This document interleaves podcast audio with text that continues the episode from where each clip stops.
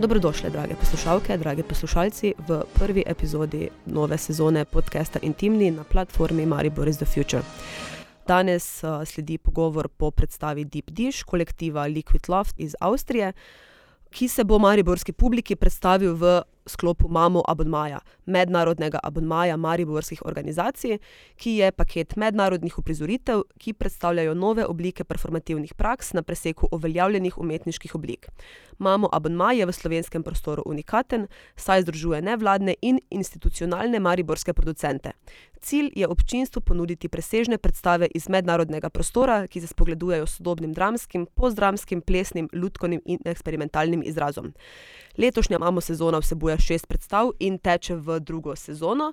Prva bo že omenjena Deep Dish kolektiva Liquid Loft v Lutkovnem gledališču Maribor, producent gostovanja pa je zavod Moja kreacija. Predstavi sledi tudi pogovor z ustvarjalci, ki ga lahko slišite v nadaljevanju podcasta, vodila ga pa je Jasmina Založnik. Uh, here is the choreographer of these pieces uh, with me, and the other crew will join uh, a bit later, I think, in like a couple of minutes. But we can maybe start with uh, your experience because it's not your first time in Maribor, but actually the third time in Maribor. Uh, and you were here um, on the on the request or uh, by uh, Tomasz Brink. Uh, first with like part of the piece uh, that you show in a small venue and then with the whole piece and this is already like almost 20 years ago or 20 years ago, before the Liquid Loft was established. Um, maybe you can say what happened in uh, all these years, or how do you feel like uh, coming back to Maribor uh, in a completely new uh, situation and new, let's say, venue? You know, first of all, thank you very much for the invitation. Uh, we are very proud to uh, show up here again because it's so close actually to Vienna and we you, you always like you just go through but we never had uh, any contact contact context so I'm happy that this time uh, you you guys managed to invite us. Uh, 20 years ago this it sounds very long but it's actually not because it was the Performer Festival as far as I remember. Uh, Thomas Brank at this time he uh, was a uh, he was very much uh, involved in at this time we called it multimedia uh, he was totally into science fiction technology he was uh, creating a festival uh, being very much into this new technology and the ideas and the discussions and things like that. And at this time we had a performance. He was actually the first one who uh, developed with us, with us also this performance. It was a, it was called Dave. Uh, it was a solo, and uh, what we had, we had the possibility the first time to perform it outside of Vienna. Uh, afterwards, it was shown like in many many different countries, but he immediately like checked uh, what's going on there and why it is so important to put the body in context to new technologies. And you are somehow continuing uh, in this notion, like also the liquid loft is always extending uh, dance or choreography to other uh, artistic field. Uh, can you maybe say what does uh, this kind of uh, extension bring to the work, or why this is so important to you to to try out all these different mediums and artistic forms?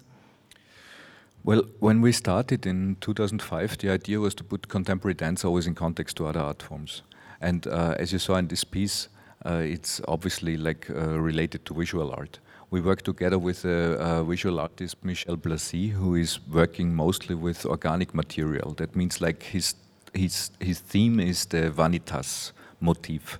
And what he's doing is he, he let uh, things, mostly organic material, rotten. He's a, he's a sculpturist. He, he, he, he uh, Beautiful uh, installation he does. Yeah, with noodles and uh, mushrooms and stuff like this. But uh, uh, what he said is like his installations always broke down uh, whenever he made something and he finished something in wood or in stone, it always broke because he just did not manage like to, to keep it.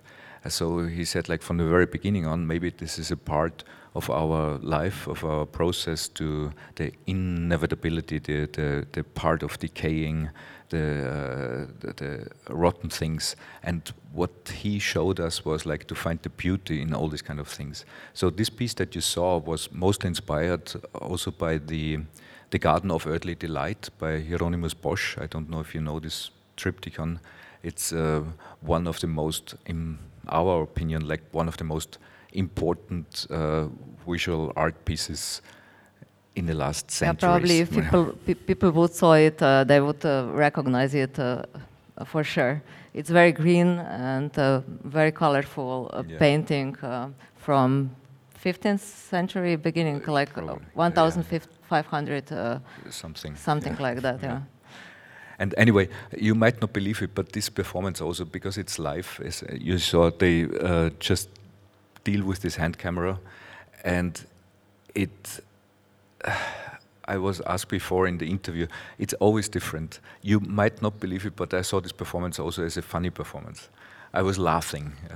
Sometimes it's not like this because uh, winter is coming, because uh, the fruits are decaying, because uh, uh your rotten food here uh, your food rottens faster than ours, for example. So you saw the worms at the end. Those people were preparing it for two weeks. This is a, the last installation is like a two weeks of preparation of orange, simple as it is. Uh, also, like there is so many um, ingredients that are important for this performance. Today, I saw a very dramatic performance, mm -hmm. um, and uh, I really appreciate. Thank you very much uh, to everybody. Uh, Thomas Jelinek, he made the light tonight. It's a very simple camera that we are using, an old one. We had to buy it on eBay because the new ones, they don't use night shot anymore. Um, uh, Andy Berger, he made the sound uh, tonight. Everything is pre-recorded. The dancers like spoke it in before and uh, had to dub it.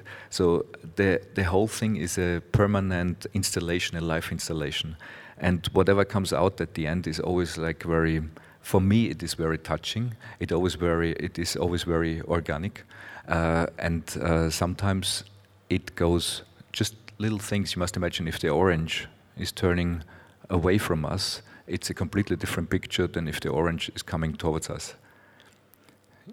Uh, in this melancholia uh, picture, as, as, simple as it sounds, yeah. But um, no, I, I have to say it was very dramatic today. I haven't seen it. I saw it. I saw it very often, this performance in many different countries. Tonight I saw a drama. Can you maybe elaborate? Can you maybe elaborate on uh, that thought? Like, uh, how do you make decisions on the stage? Because if every time is a bit different, uh, you're probably enacting uh, in the moment, right?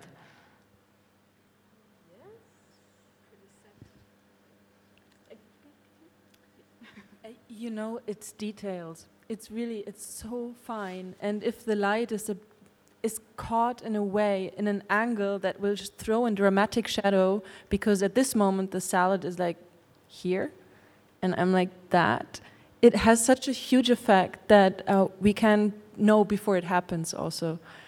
And so we are very concentrated on yeah reenacting everything but also having like some kind of I don't know emotional uh, transparency that is like affected by what happens. Um, and I, I didn't feel the drama tonight, but I didn't see what you saw, and apparently it was just very dark. What we heard after, so yeah.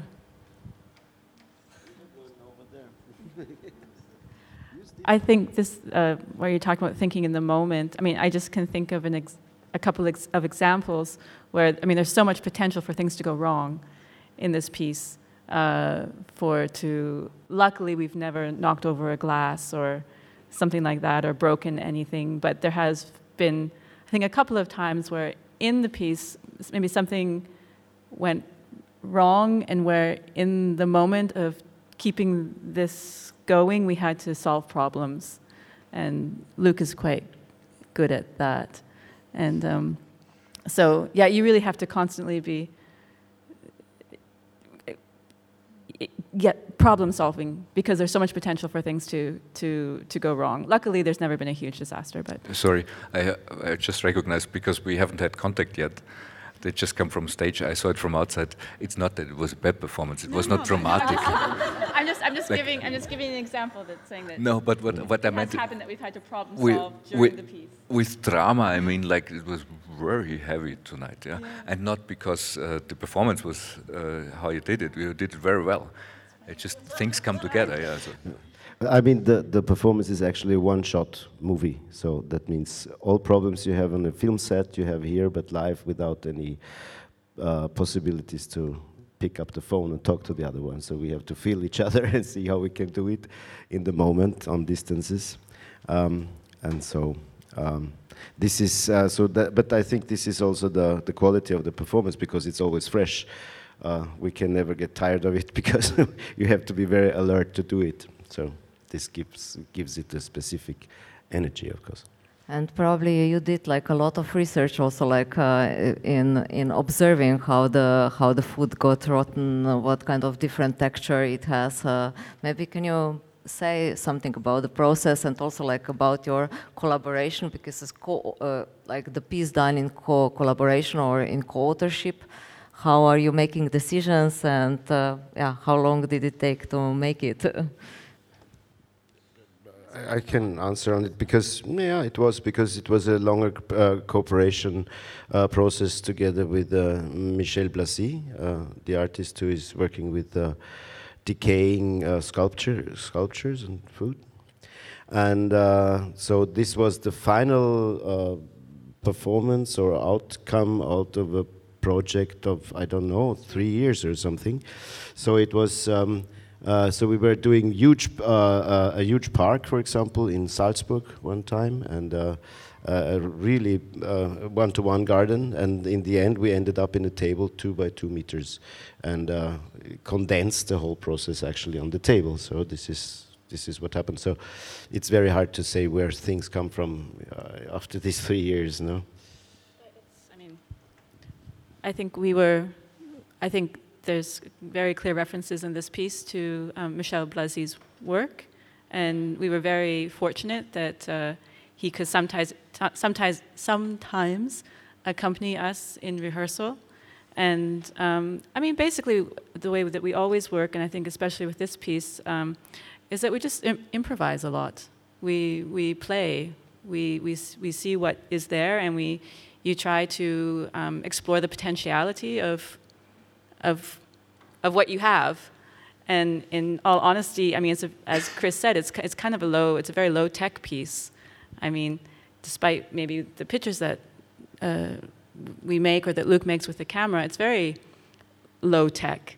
And so it was just a lot, a lot, a lot, a lot of um, playing and exploring and seeing just how far can you go with what we have, which was not actually very much. The table, some plants, some food, a crappy camera, uh, and um, and then in terms of sound, of course, and Andy is a absolutely enormous uh, um, inspiration and gives so much input, so much, so much input uh, to what we're doing. And then it's all, but he's also a performer. So um, we can also improvise with him. He gives us something, we respond. Um, and it just kind of grows like that, actually. It was very, sometimes it was very hot and very stinky, like rehearsing, kind of gross, but Yeah. Maybe before opening up the or give the or pass the microphone to you, audience, I would just like to know maybe if you could explain how this collaboration started with uh, uh, Michel Uh, who met whom, uh, how you start to communicate and develop all this, the whole series uh, uh, together, because it's like it's three years process of work. Um, it's quite a long. It's actually longer. Um, most of the time we work in series. That means like one performance comes out of the other one. Uh, we work together for a very long time. For the new projects now, for example, there's other people involved, but uh, w- w- for some reason we always meet. Everybody is freelance. Uh, every, nobody is like employed in the company, but we continually work together since the last 15 years, I could say, right? Yeah. So- between 12 and 15. at this time, uh, the idea was perfect garden. Uh, the idea was artificial paradises. How can we create this? How can we build it up? It was clear that uh, already in, in uh, I'm talking about 2010 now, 2010, 11. Uh, climate change at the moment is a really a big topic. Everything is just about that.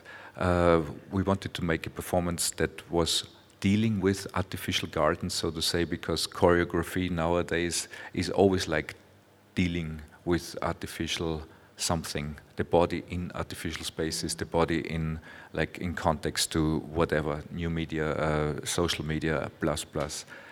Um, and uh, he was the only artist that we knew that was dealing with fruits, colors, the colors from fruits, the colors from vegetables.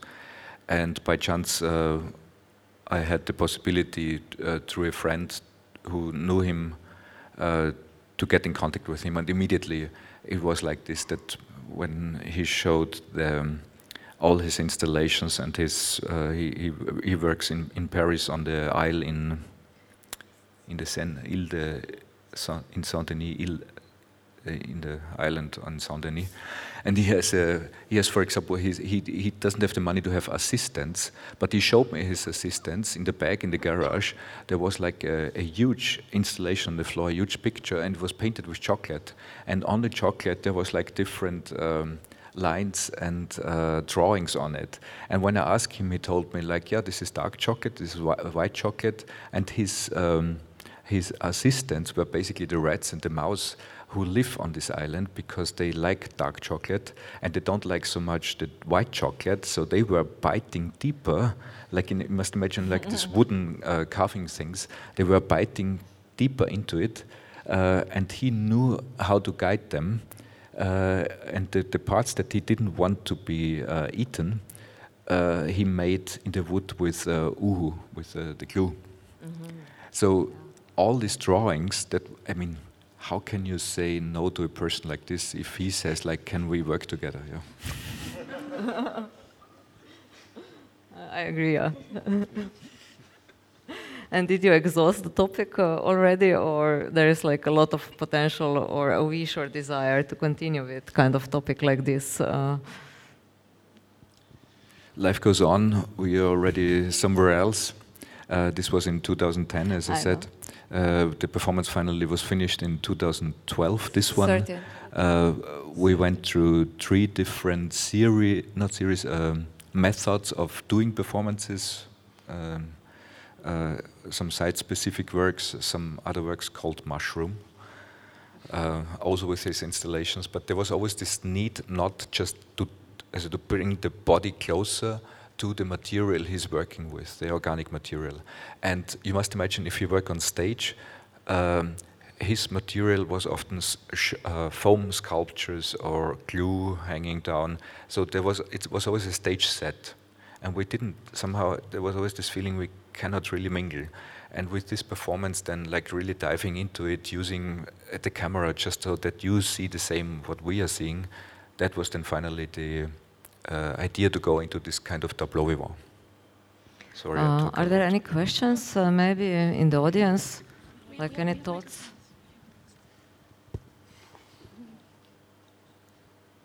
No?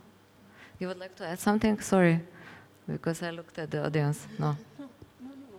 Anna is very good in talking normally. She speaks Polish and she says she understands Slovenian. Just reading. Oh, just reading. Once you said that the visual aspect is so important for your work, or also when I saw all your works, they were always perfect, like perfectly staged, uh, giving like a lot, shifting perceptions, like with details, or like um, wherever I moved my head, I saw something different, like a bit different.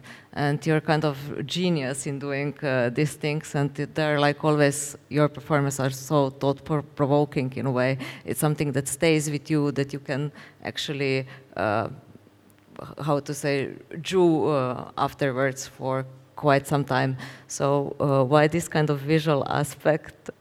uh, or how did you come to shift uh, perspectives or, or, let's say, combining uh, different possibilities? I don't know.